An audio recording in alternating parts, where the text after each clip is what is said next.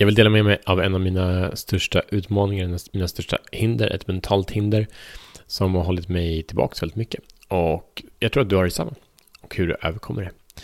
Välkommen till Kör Podcast. Jag heter Mattias Fyran.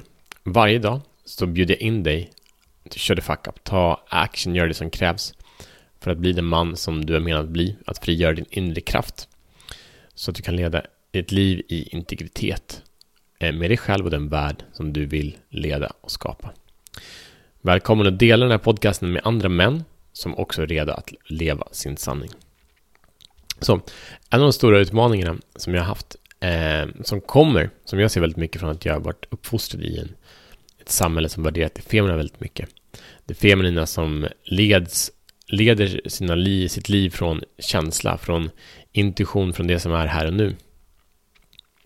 Och därav också saknar överblicken, saknar strategin, saknar planen, saknar handlingarna eh, som görs över tid för att komma någon vart. Båda har styrkor, men för mig har det här idén att mitt, mina känslor styr eh, vem jag är och vad jag gör hållit mig tillbaks väldigt, väldigt mycket. Så jag har upplevt många metoder, eh, många mycket tid i eh, låg energi, i frustration, i att känna mig fast, i att känna mig frustrerad på olika sätt. Och de här känslorna har definierat mig, vilket gjort att jag blivit passiv. Vilket gjort att jag inte identifierat vad jag kan göra och inte kan göra. Och gjort det jag har kunnat göra. Utan jag har varit kvar i den här känslan och sen skapat ett liv utav den frustrationen. Och i det frustration föder frustration eller ledsenhet föder sorg föder sorg och så vidare. Men sen finns det ett helt nytt perspektiv och det är helt enkelt att jag agerar oavsett vad mitt humör är. Och, men, men det behöver en helt ny typ av verktyg och de är verkligen först att vi behöver identifiera vad vårt humör är. För trots att vi agerar oavsett vårt humör så kan vi använda vårt humör och våra känslor på ett sätt som ger support. Så vad innebär det? Jo, att vi identifierar våra känslor och vårt humör och vi kan identifiera var de kommer ifrån, eh, varför vi fått dem och så tar vi hand om dem. Vi tar hand om dem mentalt, vi tar hand om dem emotionellt, vi kanske uttrycker det, vi kanske skriver om det, kanske förstår det som har fått oss, det som har triggat oss, förstår det på ett nytt sätt. Eh, och oavsett så säger vi att, som vi pratade om igår, att jag gör det som krävs. Det handlar väldigt mycket om att försätta sig på ett humör som servar det vi ska. Så om du har ett mål att du ska göra något atletiskt eller du ska vara på ett visst sätt i en relation eller skapa vissa resultat i, i, ditt, eh, i ditt entreprenörskap eller på ditt jobb. Om du säger att du ska göra det som krävs. Då är frågan vilket humör är det som krävs?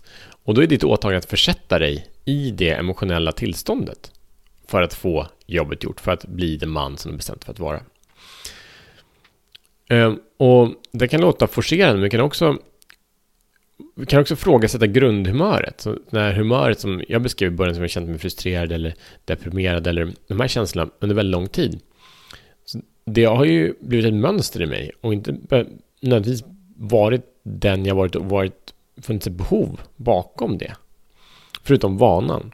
Så behovet kanske varit just att det här behöver brytas, jag behöver skapa ett nytt mönster. Så jag ser att vi behöver omhänderta, vi behöver se och förstå, vi måste lära oss av våra känslor. Det är det som de bjuder in till. Vi måste agera annorlunda för att skapa en annorlunda värld.